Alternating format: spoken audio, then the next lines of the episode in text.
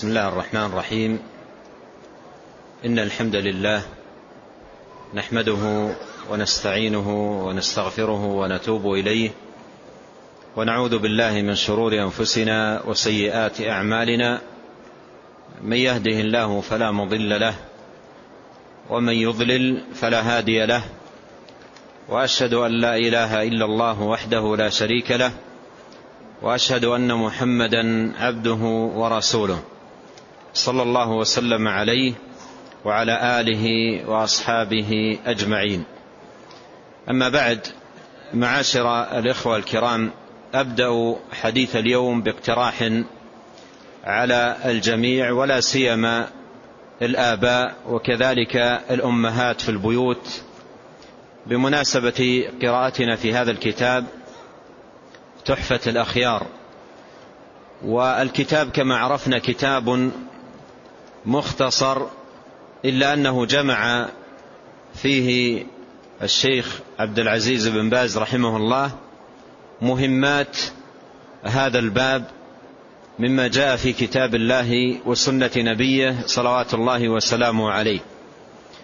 ولهذا أقترح أن يكون هناك عناية بالبيوت حتى تحصن البيوت بذكر الله تبارك وتعالى ويبتعد الشيطان وتعمر البيوت بالخير والطمأنينة والسكون. فأقترح أن يكون هناك تفعيل لهذا الكتاب في البيوت قراءة وحفظا. ويمكن أن توجد منافسات بين الأبناء والأولاد والبنات بحفظ هذا الكتاب. وأيضا العناية بقراءة كل ذكر ورد. في في مقامه وفي وقته على ضوء ما جاء في سنة النبي الكريم عليه الصلاة والسلام. ومتى عمر البيت بذكر الله تبارك وتعالى ونشأ الأبناء على ذكر الله فإن هذا من أمارات الخير وأمارات الفلاح وأمارات السلامة بإذن الله تبارك وتعالى في الدنيا والآخرة. ولهذا ينبغي حقيقة أن يكون هناك اهتمام مضاعف بهذا الجانب في البيوت بين الأهل والأولاد والأبناء ويوجد بينهم منافسات وحث وترغيب وتشجيع وأسأل الله جل وعلا أن يعمر بيوتنا جميعا بذكره وشكره وحسن عبادته. نعم. الحمد لله والصلاة والسلام على رسول الله. يقول المؤلف رحمه الله والإكثار من ذكر الله تبارك وتعالى ودعائه سبحانه مستحب في جميع في جميع الأوقات والمناسبات وفي الصباح والمساء وعند النوم واليقظة ودخول المسجد والخروج منه وعند دخول المسجد والخروج منه لما سبق من الآيات الكريمات ولقوله نعم, نعم, نعم. هنا الشيخ رحمه الله ينبه على أن الذكر ليس له وقت محدود بمعنى أن الله جل وعلا لا يذكر إلا في هذا الوقت بل ذكر الله جل وعلا له كل, كل وقت وكل حين وكل مناسبة. وقد جاء في صحيح مسلم أن النبي صلى الله عليه وسلم كان يذكر الله في كل أحيانه قائما وقاعدا وعلى جنب وهو سائر وهو واقف في كل أحيانه يذكر الله جل وعلا. ولهذا ليس لذكر الله تبارك وتعالى وقت يقال إن ذكر الله إنما يكون في هذا الوقت دون غيره. فالله جل وعلا يذكر في كل وقت يذكر جل وعلا في كل وقت. لكن جاءت السنة بتفضيل بعض الأوقات بأذكار معينة مقيدة في تلك الأوقات واظب عليها وتكون وظيفة راتبة للمسلم في تلك الأوقات كما جاءت في سنة النبي الكريم عليه الصلاة والسلام. لأجل هذا قال رحمه الله والإكثار من ذكر الله تعالى ودعائه سبحانه مستحب في جميع الأوقات. في جميع الأوقات يعني في الصباح في المساء آه، في الليل في النهار في أي ساعة. وفي جميع المناسبات أي عند دخول المنزل عند الخروج عند تناول الطعام عند الفراغ من الطعام عند ملاقاة الإخوان إلى غير ذلك من المناسبات. فالله جل وعلا يذكر في كل وقت ويذكر سبحانه وتعالى في كل مناسبة. قال وفي الصباح والمساء قوله وفي الصباح والمساء هذا داخل في عموم ما سبق. ولكنه خص هذه الأوقات بالذكر لعظيم فضلها ولما جاء في السنة من التأكيد عليها وخاصة أذكار الصباح والمساء كما سيأتي عند المصنف رحمه الله. قال وفي الصباح والمساء أي يواظب على أذكار الصباح التي تكون في أول النهار وأذكار المساء التي تكون في آخر النهار. وعند النوم واليقظة أي واليقظة منه فهناك أذكار تقال عند النوم أي عندما يأوي المسلم إلى فراشه لينام. وهناك أذكار تقال إذا استيقظ من نومه وسيأتي نماذج وأمثلة على ذلك عند المصنف رحمه الله. قال ودخول المنزل والخروج منه أيضا لدخول المنزل ذكر وللخروج منه ذكر ثبت عن النبي الكريم عليه صلوات الله وسلامه. قال وعند دخول المسجد والخروج منه والدخول للمسجد والخروج منه أيضا له أذكاره الثابتة في سنة النبي صلوات الله وسلامه عليه. فالشاهد أن كل ذلك ينبغي على المسلم أن يعرفه ويتعلمه أولا ومن ثم يواظب عليه ويحافظ عليه في أوقاته كما جاء في سنة النبي الكريم صلوات الله وسلامه عليه. قال لما سبق من الآيات الكريمات.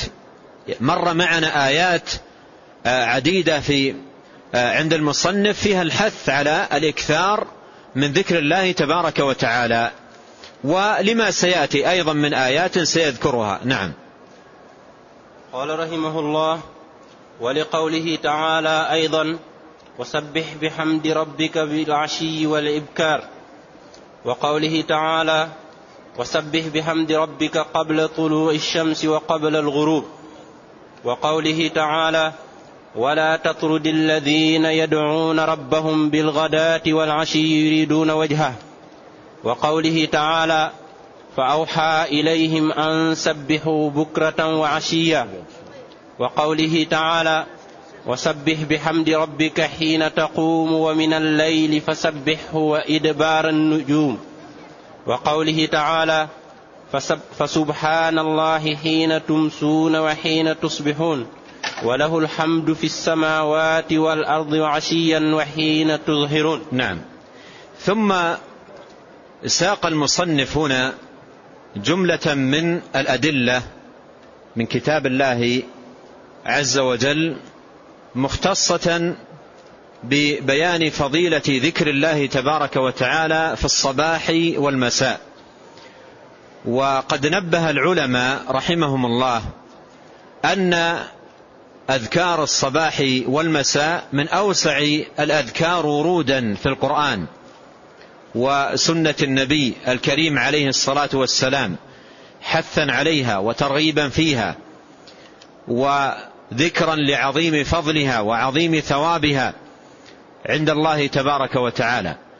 ولهذا جاءت نصوص كثيرة في القرآن أورد طرفا منها المصنف رحمه الله هنا وأورد كثيرا منها العلماء في كتب الأذكار مما يدل دلالة واضحة على أن هذين الوقتين الصباح والمساء الصباح الباكر والعشي آخر النهار قبل غروب الشمس وقبل طلوعها هذان الوقتان مختصان بمزيد فضل ومزيد اهتمام وعناية في, في هذين الوقتين بذكر الله تبارك وتعالى. ووقت الصباح الذي هو قبل طلوع الشمس وبعد صلاة الصبح هذا من من أفضل الأوقات لذكر الله تبارك وتعالى. وقد جاء فيه خاصة نصوص خاصة إضافة إلى النصوص العامة التي تدل على فضل هذين الوقتين الصباح والمساء. جاءت في, في, في, في, في نصوص الشرع آه، ما جاء في نصوص الشرع ما يدل على عظم فضل الصباح الباكر في موضوع الذكر والعناية بذكر الله تبارك وتعالى.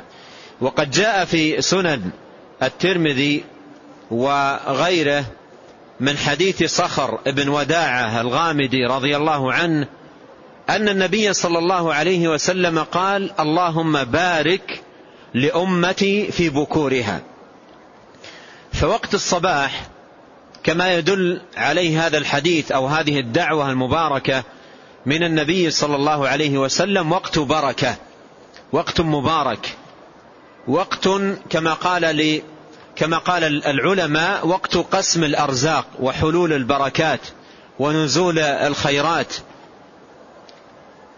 فهذا الوقت لم يكن السلف رحمهم الله يفرطون فيه ولم يكن يضيع عليهم بل كان لهم عناية خاصة واهتمام بالغ في هذا الوقت الذي هو وقت الصباح الباكر. بينما كثير منا لا يفوت النوم في هذا الوقت ويرى أن النوم في هذا الوقت لا يفوت بأي حال من الأحوال. حتى وإن شبع من النوم ليلا وأخذ حظا نصيبا وافرا من النوم في الليل لا يرى أن يفوت النوم بعد صلاة الفجر. بينما السلف رحمهم الله لم يكونوا يفوتون هذا الوقت في الجلوس فيه لذكر الله تبارك وتعالى. حتى قال ابن القيم رحمه الله في في كتابه مدارج السالكين قال حتى إنهم إذا سافروا بالليل وبلغ بهم العناء مبلغا وكانوا يمشون في في الليل كله إذا صلوا الفجر لا ينامون حتى تطلع الشمس. مع شدة التعب ما, ما كانوا ينامون في هذا الوقت إلى أن تطلع الشمس لأنه وقت ذكر لله تبارك وتعالى وقت خير وبركة. والعلماء رحمهم الله يقولون إنما إن الشيء الذي يكون من الإنسان في الصباح ينسحب على بقية اليوم. حتى قال, حتى قال أحد السلف كلمة جميلة جدا. أحد السلف المتقدمين قال في هذا الشأن كلمة جميلة جدا. قال يومك مثل جملك. إن أمسكت أوله تبعك آخره. يومك مثل جملك. إن أمسكت أوله تبعك آخره. ومراده بأوله أول اليوم أي الصباح الباكر. الصباح الباكر الذي قال فيه النبي صلى الله عليه وسلم بورك لأمتي في بكورها. هذا الوقت في زماننا هذا إما يكون ضائعا في النوم أو في الكسل والخمول أو في ما لا فائدة فيه ولا نفع. إلا من رحم الله. إلا من رحم الله من عباده ممن لا يفوتون هذا الوقت من العناية والاهتمام بذكر الله تبارك وتعالى فيه. أعطيكم مثالا بديعا جدا يبين لنا حال الصحابة وحال السلف رحمهم الله مع هذا الوقت المبارك. جاء في صحيح مسلم عن أبي وائل شقيق بن سلمة رحمه الله وهو من التابعين ومن أصحاب عبد الله بن مسعود رضي الله عنه. يقول أتيت آه، أنا ونفر معي ابن مسعود في الغداة يعني في الصباح الباكر بعد صلاة الفجر. أتيناه في بيته. فاستأذنا فأذن لنا. استأذنا في الدخول فأذن لنا. فانتظرنا هنيهة يعني انتظرنا قليلا لم ندخل. ثم أتت الجارية وقالت ما لكم لا تدخلون. يعني أذن لكم في الدخول فما لكم لا تدخلون فدخلنا. دخلنا البيت فلما دخلنا على ابن مسعود قال لنا ما لكم تأخرتم في الدخول. يعني ما سبب التأخر وقد أذن لكم في الدخول. قلنا ظننا أن بعض الأهل نائم. الآن متى الوقت؟ بعد الفجر. قال ظننا أن بعض الأهل نائم فيقول يعني قصده انتظرنا قليلا حتى يرتب الوضع. إذا كان في طريقنا نائم أو كذا يقول ظننا أن بعض الأهل نائم. فماذا قال ابن مسعود؟ قال ظننتم بآل ابن أم عبد غفلة ظننتم بآل, بآل ابن, ابن أم عبد غفلة يعني أهله وولده هل ظننتم أنهم عندهم غفلة؟ هذا يصور لنا يا إخوان ماذا؟ يصور لنا مكانة هذا الوقت عند الصحابة رضي الله عنهم. قال أظننتم بآل ابن أم عبد غفلة؟ يعني أن يوجد فيهم من ينام في هذا الوقت؟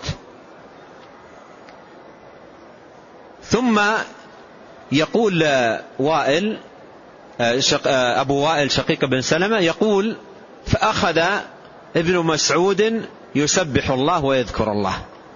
يسبح ويذكر الله جل وعلا. ثم لما ظن أن الشمس طلعت قال للجارية انظري أطلعت الشمس؟ فنظرت الجارية فقالت لم تطلع. فأخذ يسبح.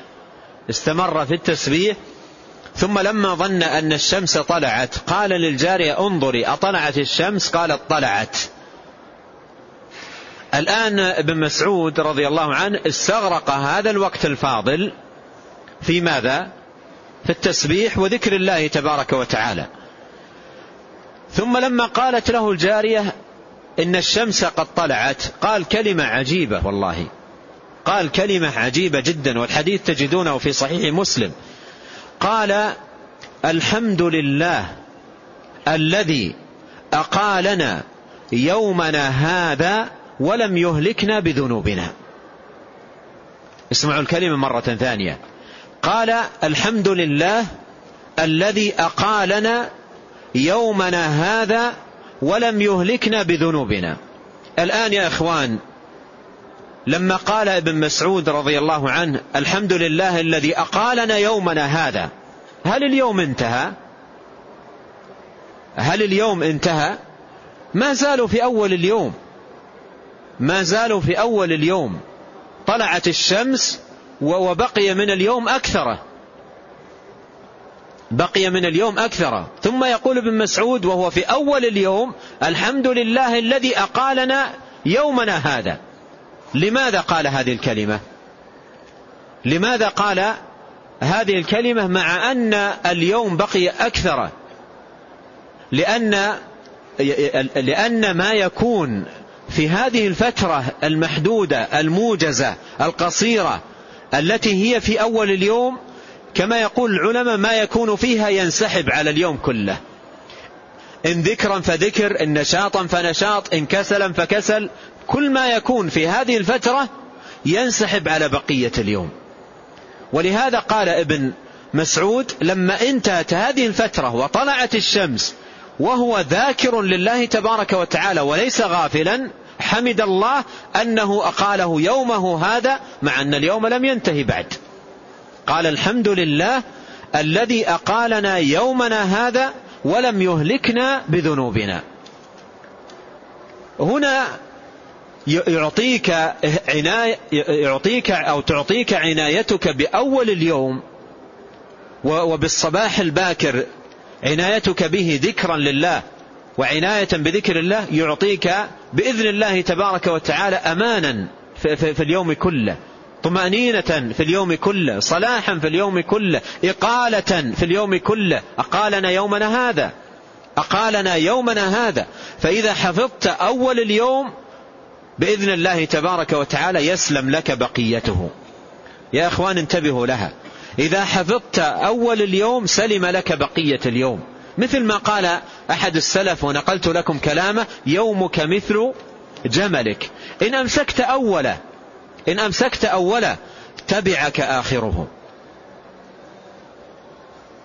ولهذا جاء عن عبد الله بن عباس أنه دخل البيت فوجد أحد أولاده نائم.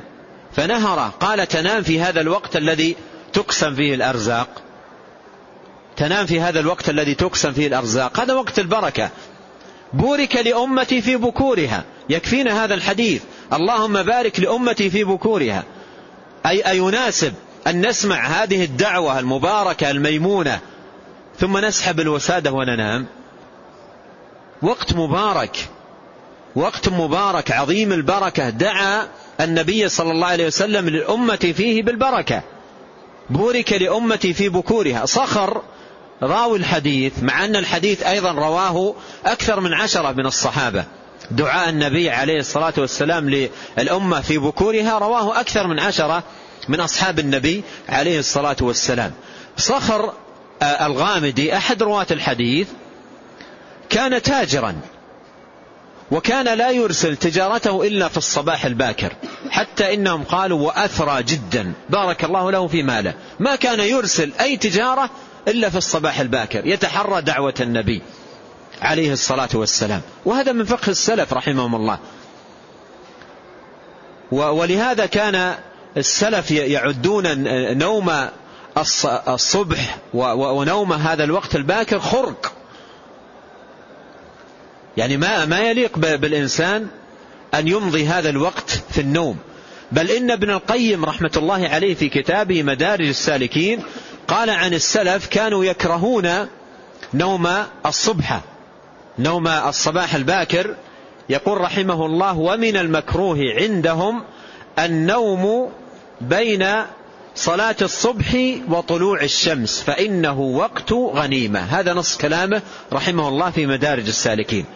يقول ومن المكروه عندهم يعني عند السلف النوم بين صلاة الصبح وطلوع الشمس فإنه وقت غنيمة.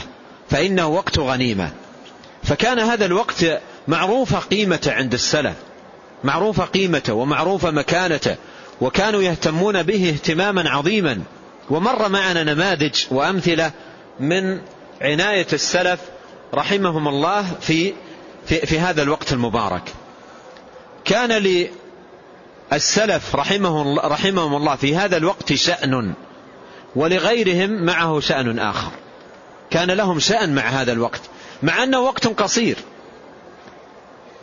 الشمس بعد صلاة الصبح تطلع في في أقل من ساعة أو في ساعة بالكثير. وقت قصير جدا. إذا مسكت هذا الوقت إذا مسكت هذا الوقت وحفظته وحافظت عليه واهتممت به بذكر الله احمد الله مثل ما قال ابن مسعود. احمد الله وقل الحمد لله الذي أقالنا يومنا هذا مع أن يومك لم ينتهي بعد لكن ما كان منك من حفظ لأول اليوم ينسحب على بقية اليوم لأن البركة التي تكون في أول الصباح إذا حضرت عمت يومك كله. أيليق بعد هذا؟ أن تكون آه، هذه اللحظات أو هذه الدقائق المعدودات أطيب أوقات النوم عندنا وأفضل أوقات النوم عندنا ولا نفوتها بأي حال من الأحوال مع أن من الملاحظ أن من ينام بعد صلاة الفجر نومه في هذا الوقت كما أنه يضر به من حيث فوات هذه الفضيلة فوات الربح والغنيمة والبركة فإن له ضررا تكلم عنه ابن القيم رحمه الله وأيضا تكلم عنه ابن مفلح في كتابه الآداب فإن فيه ضررا على البدن على البدن نفسه يرخي البدن ويكسل البدن ويضعف البنية و و و ويجلب أنواعا من الأمراض للإنسان. هذا تكلم عنه ابن القيم رحمة الله عليه في في كتابه زاد المعاد وأيضا تكلم عنه ابن مفلح في كتاب الآداب وغيرهما من أهل العلم. وهو وقت قصير جدا. وقت قصير يعني ربما أنه لا لا لا يستغرق ساعة. وسواء بقيت في المسجد أو تحركت إلى مكان ما احتجت إلى التحرك إليه أو ذهبت إلى بيتك لا تفوت هذا الوقت الفاضل من ذكر الله تبارك وتعالى. وحقيقة يا إخوان الذي نقوله هنا أنه لا حول لنا ولا قوة. نقول اللهم عنا على ذكرك. هذا الذي نقول. يعني قد ندرك الفضيلة ولكن يغلبنا ماذا؟ يغلبنا الكسل يغلبنا الخمول يغلبنا أمور كثيرة جدا. لكن نستعين بالله. نستعين بالله. والعلماء قديما يقولون إذا عرفت فالزم إذا عرفت فالزم. فيبدأ الإنسان يعني لعلنا جميعا إذا كان منا من يفوت هذا الوقت لعلنا نبدأ من الغد بإذن الله تبارك وتعالى حياة آه، أخرى مع طريقة مباركة كان عليها سلفنا الصالح رحمهم الله من حيث الاهتمام بهذا الوقت. إذا كنت مضطرا لتنام فتنبه. إذا كنت في البيت هل طلعت الشمس؟ إذا طلعت الشمس وأنت لا ترى نفسك محتاجا للنوم فنم بقدر الحاجة. أما هذا الوقت وقت البركة ووقت الغنيمة وقت قسم الأرزاق حلول البركات الوقت الذي قال فيه النبي عليه الصلاة والسلام بورك لأمتي في بكورها ما يليق أن, أن, أن, أن ينام فيه الإنسان. لا يقال أن النوم فيه حرام. لا يقال أن النوم فيه حرام ولكن مثل ما قال ابن القيم مكروه عند السلف. وقت مبارك ووقت خير وغنيمة وبركة وتحر آه، للفضيلة تحر للغنيمة ليس وقت نوم. فالشاهد أن أول النهار أول النهار وهو من صلاة الصبح إلى ما قبل طلوع الشمس وآخر النهار الذي هو قبل غروب الشمس هذان من أفضل الأوقات لذكر الله. وجاءت أذكار منوعة في هذين الوقتين ينبغي أن يحافظ أن يحافظ المسلم عليها في هذين الوقتين كما جاءت في السنة وقد أورد الشيخ رحمه الله جملة منها في هذا الكتاب وستأتي معنا بإذن الله تبارك وتعالى لاحقا. ذكر هنا رحمه الله جملة من الأدلة في آه، آه، بيان فضل آه، ذكر الله تبارك وتعالى في هذين الوقتين والحث عليه والترغيب فيه. أولا قول الله عز وجل وسبح بحمد ربك بالعشي الذي هو آخر النهار والإبكار الذي هو أوله. وكذلك قول الله تعالى وسبح بحمد ربك قبل طلوع الشمس وقبل الغروب. وهذا فيه أيضا بيان لوقت الذكر في طرفي النهار قبل طلوع الشمس وقبل غروبها. هذا هو وقته. من حين تصلي الصبح إلى ما قبل طلوع الشمس ومن بعد صلاة العصر إلى آه، آه، إلى قبل غروب الشمس. لكن العلماء يقولون إذا حصل لإنسان طارئ أو شيء من هذا القبيل ولم يتمكن في أدائها في وقتها لا بأس أن يأتي بها بعد طلوع الشمس وكذلك بالنسبة لأذكار المساء بعد غروبها. أيضا قول الله تعالى ولا تطرد الذين يدعون ربهم بالغداة والعشي يريدون وجهه.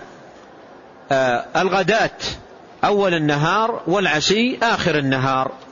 وكذلك قول الله تعالى فأوحى إليهم أن سبحوا بكرة وعشيا.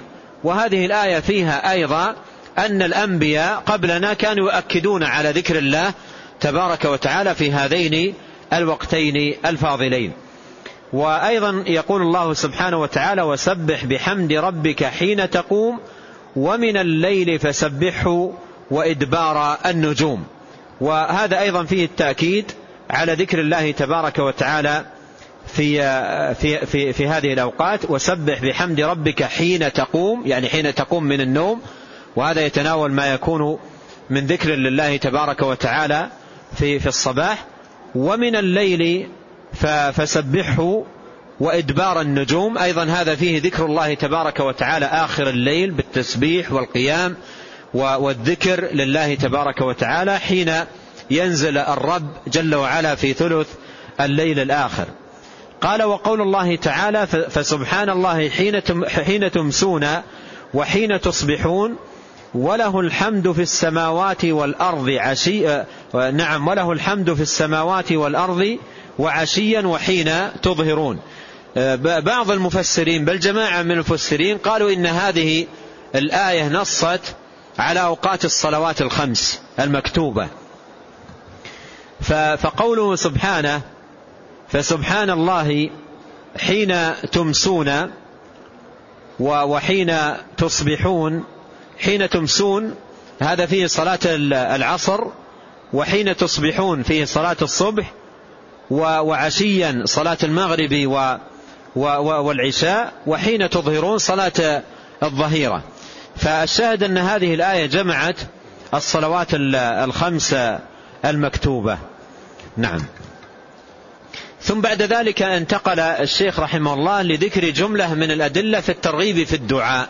ما سبق من الأدلة فيه ترغيب في الذكر والآن ينتقل المصنف إلى ذكر جملة من الأدلة في الترغيب في الدعاء. نعم.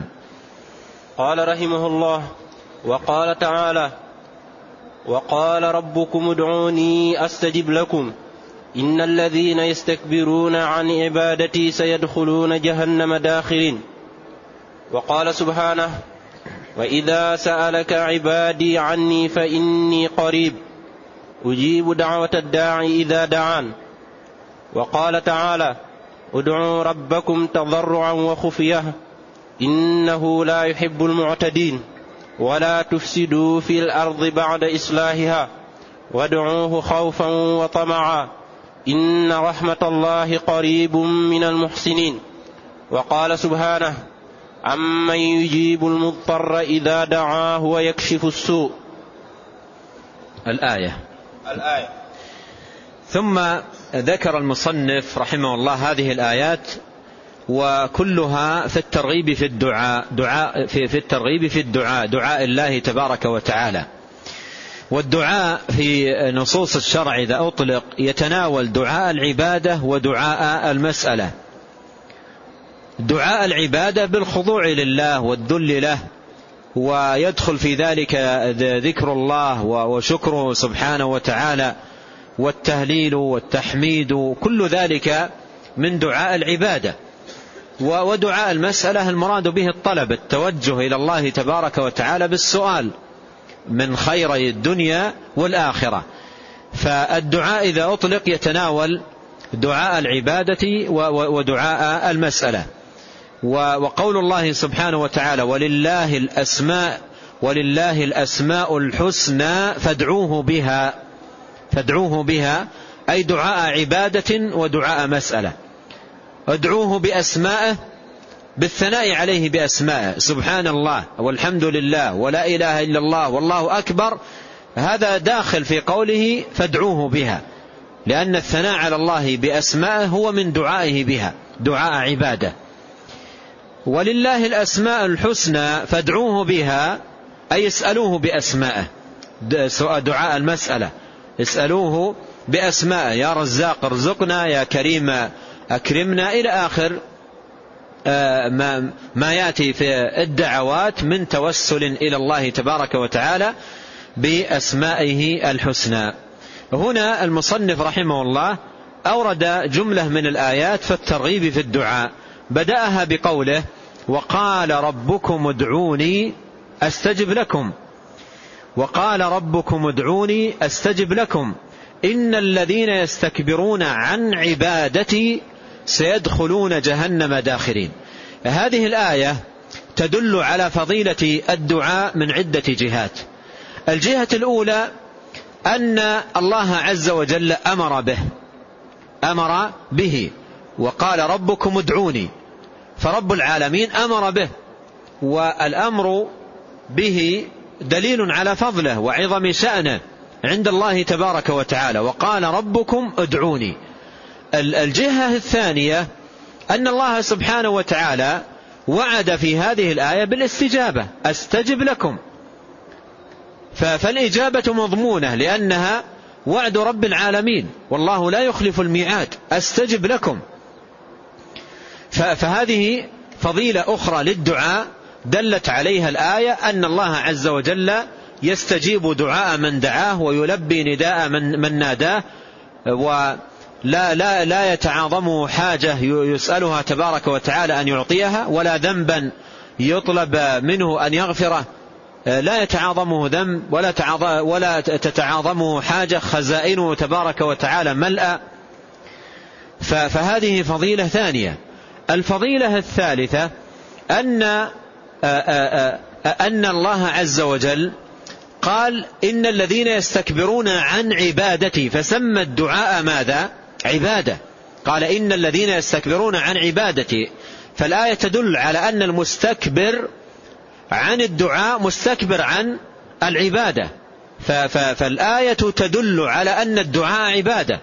ولهذا جاء في السنة عند في السنن الأربعة من حديث النعمان أن النبي عليه الصلاة والسلام قال الدعاء هو العبادة ثم تلا هذه الآية وقال ربكم ادعوني أستجب لكم إن الذين يستكبرون عن عبادتي سيدخلون جهنم داخرين. الوجه الرابع أن الآية تدل على أن تارك الدعاء مستكبر وهذا نوع من الاستكبار. والدعاء لا يعجز الإنسان ولا يكلفه شيئا. لا يعجزه ولا يكلفه شيئا. فإذا كان تاركا للدعاء غير مبال له به ولا مهتم به مع شدة حاجته وافتقاره إلى الله سبحانه وتعالى فهذا نوع من الاستكبار. ولهذا قال إن الذين يستكبرون عن عبادتي سيدخلون جهنم داخرين. فالشاهد أن الآية فيها دلالة عظيمة على فضيلة الدعاء وعظيم مكانة الدعاء عند الله تبارك وتعالى. كذلك الآية الأخرى وهي قوله سبحانه وتعالى وإذا سألك عبادي عني فإني قريب أجيب دعوة الداعي إذا دعان فليستجيبوا لي وليؤمنوا بي لعلهم يرشدون. أيضا هذه الآية تدل على فضيلة الدعاء ومكانته. قال وإذا سألك عبادي عني إذا سألك عبادي عني ومن نوع السؤال ما جاء عن بعض الصحابة أنهم قالوا يا رسول الله أربنا بعيد فنناديه؟ يعني نناديه بصوت عالي أم قريب فنناجيه؟ ولهذا جاء في بعض الروايات أن الآية نزلت في, في جواب مثل هذا السؤال وإذا سألك عبادي عني فإني قريب أجيب دعوة الداعي إذا دعان. فذكر تبارك وتعالى قربة من الداعين بالإجابة كما أنه قريب من العابدين بالإثابة. من عبد الله سبحانه وتعالى فهو قريب منه يثيبه على عبادته أعظم الثواب. ومن دعا الله سبحانه وتعالى فإنه قريب منه يجيب دعاءه ويحقق رجاءه ويعطيه سؤله. قال وإذا سألك عبادي عني فإني قريب أجيب دعوة الداعي إذا دعان. العلماء رحمهم الله أو بعض المفسرين أخذوا من هذه الآية فائدة لطيفة جدا. هذه الآية جاءت في سورة البقرة وسورة البقرة تكرر فيها في مواضع عديدة يسألونك. أليس كذلك؟ تكرر فيها في مواضع عديدة يسألونك. يسألونك عن اليتامى يسألونك عن المحيض يسألونك عن الأهلة يسألونك عن الخمر والميسر إلى غير ذلك. أسئلة كثيرة جاء جاءت في, في هذه السورة يسألونك. وفي كل ذلك يأتي بعد قوله يسألونك ماذا؟ قل. يسألونك عن الأهلة قل هي مواقيت للناس. يسألونك عن المحيض قل هو أذى. إلى غير ذلك. فتأتي كلمة قل. هنا فيه سؤال وإذا سألك عبادي عني لم تأتي كلمة قل. قال وإذا سألك عبادي عني فإني قريب. لم تأتي كلمة قل. هناك جاءت كلمة قل في الأحكام يسألونك عن الحكم الفلاني فقل ماذا؟ حكمه كذا. وهنا الباب باب عبادة ودعاء وتوجه إلى الله سبحانه وتعالى. قال وإذا سألك عبادي عني فإني قريب. أخذ العلماء من هذا فائدة لطيفة أن النبي عليه الصلاة والسلام واسطة بين الله وبين خلقه في إبلاغ الدين. واسطة بين الله وبين خلقه في إبلاغ الدين. يسألونك عن كذا قل كذا. فهو واسطة بين الله وبين خلقه في إبلاغ الدين. وليس واسطة بين الله وبين خلقه في عبادة الله. من يعبد الله من يدعو الله من يلتجئ إلى الله يتجه إليه بدون أن يجعل بينه وبين الله واسطة. ولهذا ارتفعت قل هنا. قال وإذا سألك عبادي عني لم يقل فقل إني قريب قال فإني قريب. وهذا وارتفاع قل هنا فيه إشارة إلى أن الواسطة هنا مرتفعة. ما في واسطة؟ ما في واسطة. مثل الأحكام. الأحكام ما تستطيع أن تباشر أي حكم إلا بماذا؟ إلا بطريق البلاغ من النبي عليه الصلاة والسلام. أما عبادة الله إذا أردت أن تتجه إلى الله سبحانه وتعالى بالعبادة فلا تجعل بينك وبين الله واسطة.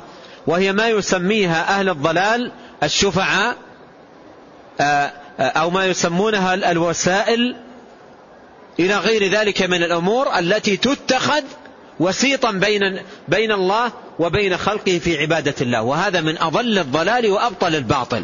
لأن مقام العبادة ليس بين الله وبين خلقه واسطة.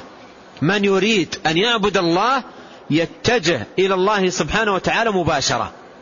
ولهذا إذا قيل هل الأنبياء واسطة بين الله وبين خلقه أم لا؟ إيش الجواب؟ لو قيل هل الأنبياء واسطة بين الله وبين خلقه أم لا؟ إيش الجواب؟ الجواب بالتفصيل. إذا كان المراد في إبلاغ الدين فنعم.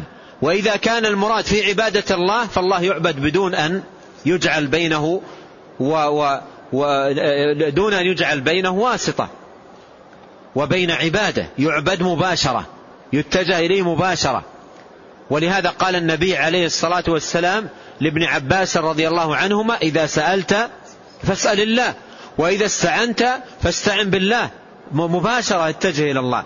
هنا بعض أهل الضلال لأسباب سيئة جدا ومنحطة بعض أئمة الضلال يموهون لعوام الناس وجهالهم أن عبادة الله تبارك وتعالى لا بد حتى ترتفع وتقبل لا بد أن يكون بين العابد والداعي وبين الله وسطاء حتى إن بعضهم حتى إن بعضهم يقول لمريديه ومن تحته من من الطلاب والمتلقين عنه يقول له إذا أردت أن تذكر الله أو تدعو الله أو تعبد الله عليك أن تذكر الله من طريقي عليك أن تذكر الله من طريقي و و وأن تستحضر صورتي وهيئتي وشخصي ثم تذكر الله لأن ذكر ذكر الله ودعاه لا يستقيم ولا يرتفع إلا من طريق الأولياء. ويوهم من عنده أنه من من الأولياء. حتى حدثني واحد هداه الله ومن ومن الله عليه بالتوبة يقول كنت عند أحد هؤلاء فكان هكذا يعلمني طريقة الذكر. يعلمني طريقة الذكر. حتى إنه أحيانا يقول لي أفضل لك إذا أردت أن تذكر تأتي عندي. وتنظر إليه وتبدأ تذكر الله وأنت تنظر إليه حتى يرتفع الذكر. يقول اضطررت مرة أن أسافر. نفسه يحدثني أنا. يقول اضطررت مرة أن أسافر إلى بلد بعيد. فاحترت ماذا أفعل؟ سأكون بعيدا عن شيخي. كيف أذكر الله؟ فأتيته. أتيت وقلت أنا الآن مضطر أن أسافر إلى بلد كذا وكذا فماذا أفعل؟ قال المسألة سهلة. تعال لي غدا وأعطيك الحل. يقول لما جئته غدا ووصلت لي أعطاني صورة له. أعطاني صورة له قال هذه الصورة تأخذها معك. هذه الصورة تأخذ أي بلد في العالم أي مكان تكون في العالم ما دام أن الصورة معك خليك مطمئن. خذ معك الصورة وإذا أردت أن تذكر الله آه، تنظر للصورة. ما دمت ما تتمكن تنظر إلي أنا, أنا مباشرة انظر للصورة ومن خلال الصورة اذكر الله. يقول كنت في بعض الأماكن إذا كان في أناس نفسه والله يحدثني يقول كنت في بعض الأماكن إذا كان في أناس وأخشى أن, أن يراني أحد أدخل تحت البطانية وآتي بالكشاف الصغير وأضع الكشاف وأنظر للشيخ وأبدأ أذكر الله. وأبدأ أذكر الله. هذا كله ضلال. كله من عبث أهل الباطل بعقول الناس والجهال والعوام يعبثون بعقولهم. ويصرفونهم عن العبادة الحقة إلى تعظيم هؤلاء التعظيم الذي لا يليق إلا بمن؟ إلا برب العالمين سبحانه وتعالى. ولهذا لاحظ وإذا سألك عبادي عني وإذا سألك عبادي عني فإني قريب أجيب دعوة الداعي إذا دعان. في أي مكان في الدنيا إذا أردت حاجة اسأل الله. بعض بعض الجهال يقول لا أنا إذا جاءتني حاجة لازم أذهب عند القبر. لازم أذهب عند القبر لأن الدعاء عند القبر يرتفع. رجعنا للمشكلة. رجعنا للم... إذا سألك عبادي عني فإني قريب. أي مكان تكون؟ من قال لك تحرى الدعاء عند القبر؟ من الذي قال لك؟ في أي كتاب؟ في أي سنة؟ في أي موضع؟ وجدت ذلك. أما نقرأ القرآن؟ وإذا سألك عبادي عني فإني قريب أجيب دعوة الداعي إذا دعان. إذا اتجه إلى الله سبحانه وتعالى بصدق. اتجه إلى الله تبارك وتعالى بصدق. حدثني أحدهم أنه ذهب إلى منطقة من المناطق النائية في العالم. يقول وجدت المسجد الوحيد في تلك المنطقة مغبر ولا تطأه الأقدام ولا يأتيه الناس. لكنني دخلت ورأيت فيه شخصا واحدا. فقلت له أين الناس؟ ما المسلمين ما يأتون يصلون ولا يأتون للدعاء ولا قال تحملت عنهم هذا كله. هم مشغولون في الأعمال وفي الوظائف وفي أنا تحملت عنهم العبادة والدعاء وكذا وكل شهر يمرون ويعطوني مقابل. وهو متحمل عنهم الدعاء ومتحمل عنهم العبادة. انظروا إلى الضياع كيف يبلغ بالناس. ولهذا يا أخوان لا بد من عودة صادقة إلى القرآن. نذكر الله جل وعلا بالذكر الصحيح. والله بعض الناس قد قد يمضي ساعات طوال وهو يعد آه، يعد آه، آه، ذكرا يحسب أنه يرتفع به عند الله تبارك وتعالى وهو يأثم به. ويجلس ساعات طوال وهو يعد ذكرا باطلا يظن أنه يرتفع به عند الله وهو ماذا؟ قل هل ننبئكم بالأخسرين أعمالا الذين ضل سعيهم في الحياة الدنيا وهم يحسبون أنهم يحسنون صنعا. ابن عباس رضي الله عنهما أو ابن مسعود كما في سنن الدارمي وقف على جماعة وقف على جماعة وهم في المسجد يسبحون ويحمدون ويكبرون ويهللون ولكن بطريقة غير مشروعة. لاحظوا الأذكار التي يقولونها ليس فيها ولا واحد ذكر غير صحيح. كلها أفضل الذكر. تسبيح وتحميد وتكبير وتهليل. لكن ما هي الطريقة التي كانوا يفعلونها؟ كان واقف واحد عليهم فيقول سبحوا مئة. فكلهم بصوت واحد سبحان الله سبحان الله سبحان الله. دخل عليهم ابن مسعود رضي الله عنهم رضي الله عنه قال عدوا سيئاتكم. قال عدوا ماذا؟ سيئاتكم. القوم يسبحون الله ويقول عدوا سيئاتكم. لماذا؟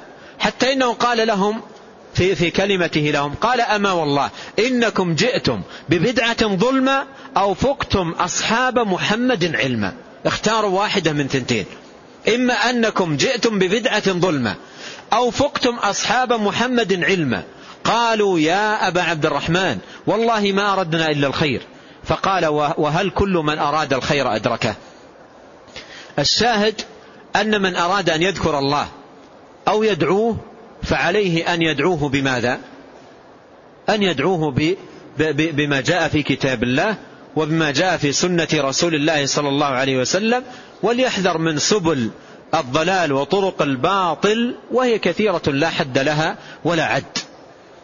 والشيطان أيضا له نوع من العبث في الناس بهذا الباب. أيضا أعطيكم مثالا مما رأيت. رأيت في إحدى الدول شخصا يحفظ كتاب الله حفظا عجيبا حتى إنني بدون مبالغة ما أذكر أنني رأيت مثله في قوة الحفظ. قال لي ذلك الرجل إن في القرآن ثلاث وثلاثين آية كلها تبدأ بلفظ الجلالة. الآية الأولى كذا الثانية كذا الثالثة كذا الرابعة كذا الخامسة كذا الثالثة والثلاثين الله الصمد. جاء بها سردا يعدها سردا. قال لي هذا الرجل أنني كان يأتيني هاتف في المنام. يقول لي يا لطيف مليون وتسعة وأربعين ألف وخمسمائة مرة. أقوم وأكتب الرقم مليون وتسعة وأربعين ألف وكذا مرة. أكتب الرقم وأجيب السبحة بألف خرزة. وأبدأ أقول يا لطيف يا لطيف يا لطيف يا لطيف يا لطيف إلين أكمل العدد. يقول يأخذ مني وقت طويل وأتعب ذهنيا و لأن يقول أنا هذا هاتف من الله. هذا هاتف من الله سبحانه وتعالى يأمرني أنا. فيقول إذا انتهيت مجرد ما أنتهي يا حي. أه، تسعة مليون يزيد الرأي تسعة مليون وكذا مرة. ويجيب السبحة بألف خرزة ويبدأ. يعد يعد يعد يعد يعد. يقول حتى القرآن ضيعته. شوف كيف دخل عليه الشيطان. يا هذا الهاتف هل هو هاتف من الرحمن؟ قلت له هذا من الشيطان. هذا من الشيطان. ولا, ولا تأخذ به. وسبحان الله يعني جلست معه جلسة والله كأنه جاه فرج. لأن كان في دوامة. كل ما انتهى من هذه الملايين جاءته ملايين. جديدة بمثل هذه التسبيحات. لماذا يذهبون إلى أخذ الأذكار من المنامات ومن الهواتف ومن وعندهم القرآن؟ القرآن في صدره يحفظه حفظا. من من أقوى ما يكون ولكنه ما يعمل به العمل المطلوب. أين في القرآن؟ آه، أين في القرآن أن تعمل بهذه الهواتف التي تأتي في المنام؟ أين في سنة النبي عليه الصلاة والسلام أن يعمل بهذه الهواتف. هل من آه، من من طرق معرفة الأحكام الشرعية المنامات والهواتف؟ أم أن الأحكام الشرعية بسطت لنا في القرآن والسنة؟ ما فرطنا في الكتاب من شيء. اليوم أكملت لكم دينكم. فالشاهد أن هناك عبث آه، طويل عريض في باب الدعاء وباب الأذكار ظل فيه أقوام وأقوام لا حد لهم ولا عد والسلامة والعصمة بماذا؟ في كتاب الله وسنة نبيه صلوات الله وسلامه عليه. ثم أورد قول الله سبحانه وتعالى ادعوا ربكم تضرعا وخفية إنه لا يحب المعتدين ولا تفسدوا في الأرض بعد إصلاحها وادعوه خوفا وطمعا إن رحمة الله قريب من المحسنين. هذه الآية المباركة التي أوردها المصنف رحمه الله أو الآيتين جمع جمعت جملة من الآداب العظيمة للدعاء ولعلي أشير إليها إشارة سريعة. الأول ادعوا ربكم. الدعاء عبادة لا يلتجى فيها إلا إلى رب العالمين. لا يستحقه أحد سوى ادعوا ربكم أي وحده دون سواه. الأمر الثاني قال تضرعا أي ألح على الله في الدعاء. وأكثر من الدعاء والسؤال. والله تبارك وتعالى يحب منك أن تلح عليه. يحب إلحاح الملحين. وتضرع المتضرعين ولهذا قال تضرعا. ادعوا ربكم, ربكم تضرعا. والتضرع هو الإلحاح ودوام السؤال ودوام الطلب. ربي ربي ربي تلح على الله جل وعلا. الأمر الثالث وخفية. يعني آه، الدعاء يكون بينك وبين الله. لا, لا ترفع صوتك به وإنما تدعوه دعاء آه، آه، خفيا بينك وبينه بصوت خافت. لا لا ليس المراد بالخفية ألا تحرك لسانك بل حرك لسانك بكلمات الدعاء ولكن بصوت خافت خفية. هذا الأدب آه، آه، الثالث من هذه الآداب. الأمر الرابع في قوله إنه لا يحب المعتدين والاعتداء في الدعاء بابه واسع ويمكن آه، جمع ذلك في كل مخالفة للسنة. فقوله إنه لا يحب المعتدين فيه التحذير من الاعتداء في الدعاء بمخالفة هدي النبي الكريم عليه الصلاة والسلام. ثم قال ولا تفسدوا في الأرض بعد إصلاحها أي بعد أن أصلحها الله بالتوحيد والسنة والهدي القويم الذي جاء به النبي الكريم عليه الصلاة والسلام. فلا تفسدوها بالشرك ولا تفسدوها بالبدع ولا تفسدوها بالمعاصي بل اعتنوا بهذا الصلاح تحقيقا له ومداومة عليه وحفظا له. ثم الأمر الآخر في قوله وادعوه خوفا وطمعا. أي اجمعوا في, في دعائكم بين الخوف والطمع. الرجاء والخوف. وهذان ركنان لا بد منهما في كل عبادة. تدعو الله وتعبده وتقوم بكل طاعة وأنت ترجو الله وتخافه. سبحانه وتعالى. ترجو رحمته وتخاف عذابه. ثم ختمها بقوله إن رحمة الله قريب من المحسنين وهذا فيه إشارة إلى تحقيق مقام الإحسان في العبادة وفي كل طاعة. والإحسان كما قال عليه الصلاة والسلام أن تعبد الله كأنك تراه. ثم ختم المصنف رحمه الله هذه الآيات بقول الله عز وجل أمن يجيب المضطر إذا دعاه ويكشف السوء ويجعلكم خلفاء الأرض أإله مع الله قليلا ما تذكرون. وهذه الآية أيضا من الآيات العظيمة التي تبين مكانة الدعاء وعظيم شأنه لأن من الأمور المتقررة حتى إنها متقررة عند كفار قريش. ولهذا قال الله أمن يجيب المضطر إذا دعاه ويكشف السوء ويجعلكم خلفاء الأرض. أإله مع الله؟ يعني مع أنكم تعلمون أنه يجيب المضطر ويكشف السوء وحده دون سواه. تتخذون معه الأنداد. ولهذا قال أإله مع الله قليلا ما تذكرون؟ أي قليل تذكركم.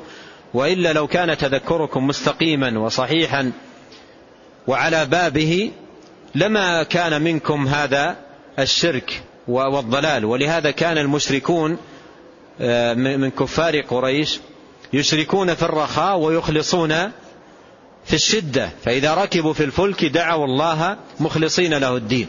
لماذا إذا ركبوا في الفلك دعوا الله مخلصين له الدين؟ لماذا؟ لماذا لا يدعون الأنداد في الشدة؟ لأنهم يعلمون أن الذي يجيب المضطر إذا دعاه ويكشف السوء هو الله وحده. يعلمون ذلك.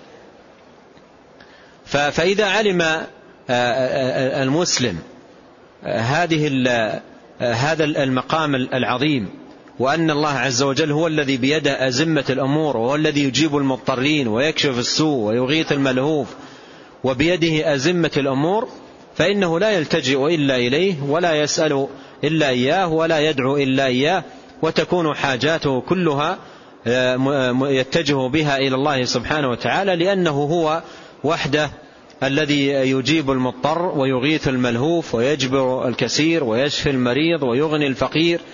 إلى غير ذلك من الحاجات. ومن أقبل على الله تبارك وتعالى بصدق في أي حاجة من حاجاته أو شأن من شؤونه أجاب الله دعاءه وحقق رجاءه وأعطاه سؤله. نسأله تبارك وتعالى من فضله العميم وخيره العظيم وأن لا يكلنا إلى أنفسنا طرفة عين وأن يصلح لنا ديننا الذي هو عصمة أمرنا وأن يصلح لنا دنيانا التي فيها معاشنا. وأن يصلح لنا آخرتنا التي فيها معادنا وأن يجعل الحياة زيادة لنا في كل خير والموت راحة لنا من كل شر. إنه تبارك وتعالى سميع الدعاء وهو أهل الرجاء وهو حسبنا ونعم الوكيل. ثم أيها الإخوة بمناسبة الكلام عن الذكر والدعاء وضبطه بضوابط الكتاب والسنة من الأمور المتقررة عند أهل العلم عملا بقوله عليه الصلاة والسلام من عمل عملا ليس عليه أمرنا فهو رد أن الذكر والدعاء ينبغي أن يضبط بضوابط السنة في في صفته وكيفيته وفي وقته وفي جميع أحواله يضبط بضوابط السنة. فعلى سبيل المثال لو أن شخصا خصص وقتا من الأوقات لقربة من القربات أو أو دعوات أو أذكار أو غير ذلك خصصها كليلة معينة أو يوم معين أو شهر معين أو وقت معين بدون دليل من الشرع. هل هذا العمل داخل تحت النهي في قوله من عمل عملا ليس عليه أمرنا فهو رد أو ليس داخلا؟ ولهذا ينبغي أن ننتبه الخطأ الذي يقع فيه بعض الناس عندما يخصصون ليلة سبع وعشرين من شهر رجب بعبادات مخصوصة وأعمال مخصوصة آه، كمثلا قراءة آه، السيرة أو قراءة بعض القصائد أو قراءة بعض المدائح أو أشباه ذلك من الأعمال أو, أو, أو أذكار معينة أو نحو ذلك من الأعمال. فهؤلاء الذين يقومون بهذا العمل يحتاجون إلى أمرين. آه، الأمر الأول يحتاجون إلى إقامة الدليل وإبراز الدليل على أن ليلة سبع وعشرين من شهر رجب هي ليلة الإسراء والمعراج. ولا يوجد دليل واضح صحيح صريح يدل على أن ليلة سبع وعشرين من شهر رجب هي ليلة الإسراء والمعراج. وإذا قرأتم قرأنا كتب التاريخ نجد الاختلاف الطويل العريض بين أهل العلم في تحديد شهرها فضلا عن ليلتها. مختلف في تحديد شهر ليلة الإسراء والمعراج فضلا عن الليلة التي فيها الإسراء والمعراج. ولو كان ليلة الإسراء والمعراج يرتبط بها عبادة مشروعة لماذا؟ لما خفيت. لا لما خفيت ولما كان فيها هذا الخلاف الطويل بين العلماء. هذا الأمر الأول. الأمر الثاني لو ثبت أن ليلة سبع وعشرين من شهر رجب هي ليلة الإسراء والمعراج فإن من يقيم فيها أعمالا مخصوصة يحتاج إلى ماذا؟ يحتاج إلى دليل على مشروعية إقامة هذه الأعمال المخصوصة في تلك الليلة. حتى لو كان يصلي تلك الليلة من أولها إلى آخرها إحياء لهذه الليلة وتقربا إلى الله بإحياء هذه الليلة يحتاج إلى ماذا؟ يحتاج إلى دليل. يحتاج إلى دليل. وينبغي أن ننتبه لسنا بأحرص على الخير من الصحابة رضي الله عنهم ومن التابعين لهم بإحسان ولم يكن يعرف عنهم إحياء ليلة سبع وعشرين من رجب ولا إحياء ليلة آه، الخامس عشر من شهر شعبان ونحو ذلك ولا إحياء ليلة المولد ما كان يعرف عنهم ذلك. هذه هذه الإحياءات لهذه الليالي لم تعرف إلا بعد القرن الثالث في دولة العبيديين بدأت تظهر مثل هذه الأعمال وتفشو بين الناس. أما في زمن الصحابة لم يكن لها وجود. والخير في اتباع من سلف. وينبغي على الإنسان أن يتقي الله سبحانه وتعالى وأن يلزم نفسه بالسنة. وأن يقيد نفسه بهدي النبي الكريم وبما كان عليه الصحابة الكرام. ولا ينساق مع ما تهواه نفسه أو ما يرغبه فيه رفقته. بدون دليل من كتاب الله وبدون مستند من سنة رسول الله صلوات الله وسلامه عليه. فهذا الحديث ينبغي أن يكون أمام أعيننا. من عمل عملا ليس عليه أمرنا فهو رد أي مردود على صاحبه. وكان عليه الصلاة والسلام يقول للناس كل جمعة إذا خطبهم أما بعد فإن أصدق الحديث كلام الله وخير الهدى هدى محمد صلى الله عليه وسلم وشر الأمور محدثاتها وكل محدثة ماذا؟ بدعة وكل بدعة ضلالة. كل محدثة بدعة يقول عليه الصلاة والسلام وكل بدعة ضلالة. فينبغي على الإنسان أن يعود نفسه على ماذا؟ على الالتزام بسنة النبي عليه الصلاة والسلام. ثم يا أخوان هنا مسألة لا بد من التنبيه عليها. عندما أسري بنبينا عليه الصلاة والسلام وعرج به إلى السماء السابعة. عندما عرج به إلى السماء السابعة ما هي الفريضة التي نزل بها؟ ونحن نعلم أن الفرائض كلها كان جبريل عليه السلام يأتيه في الأرض ويخبره بها إلا الصلاة. شرف الله قدرها وأعلى مكانها ورفع منزلتها فعرج بالنبي صلى الله عليه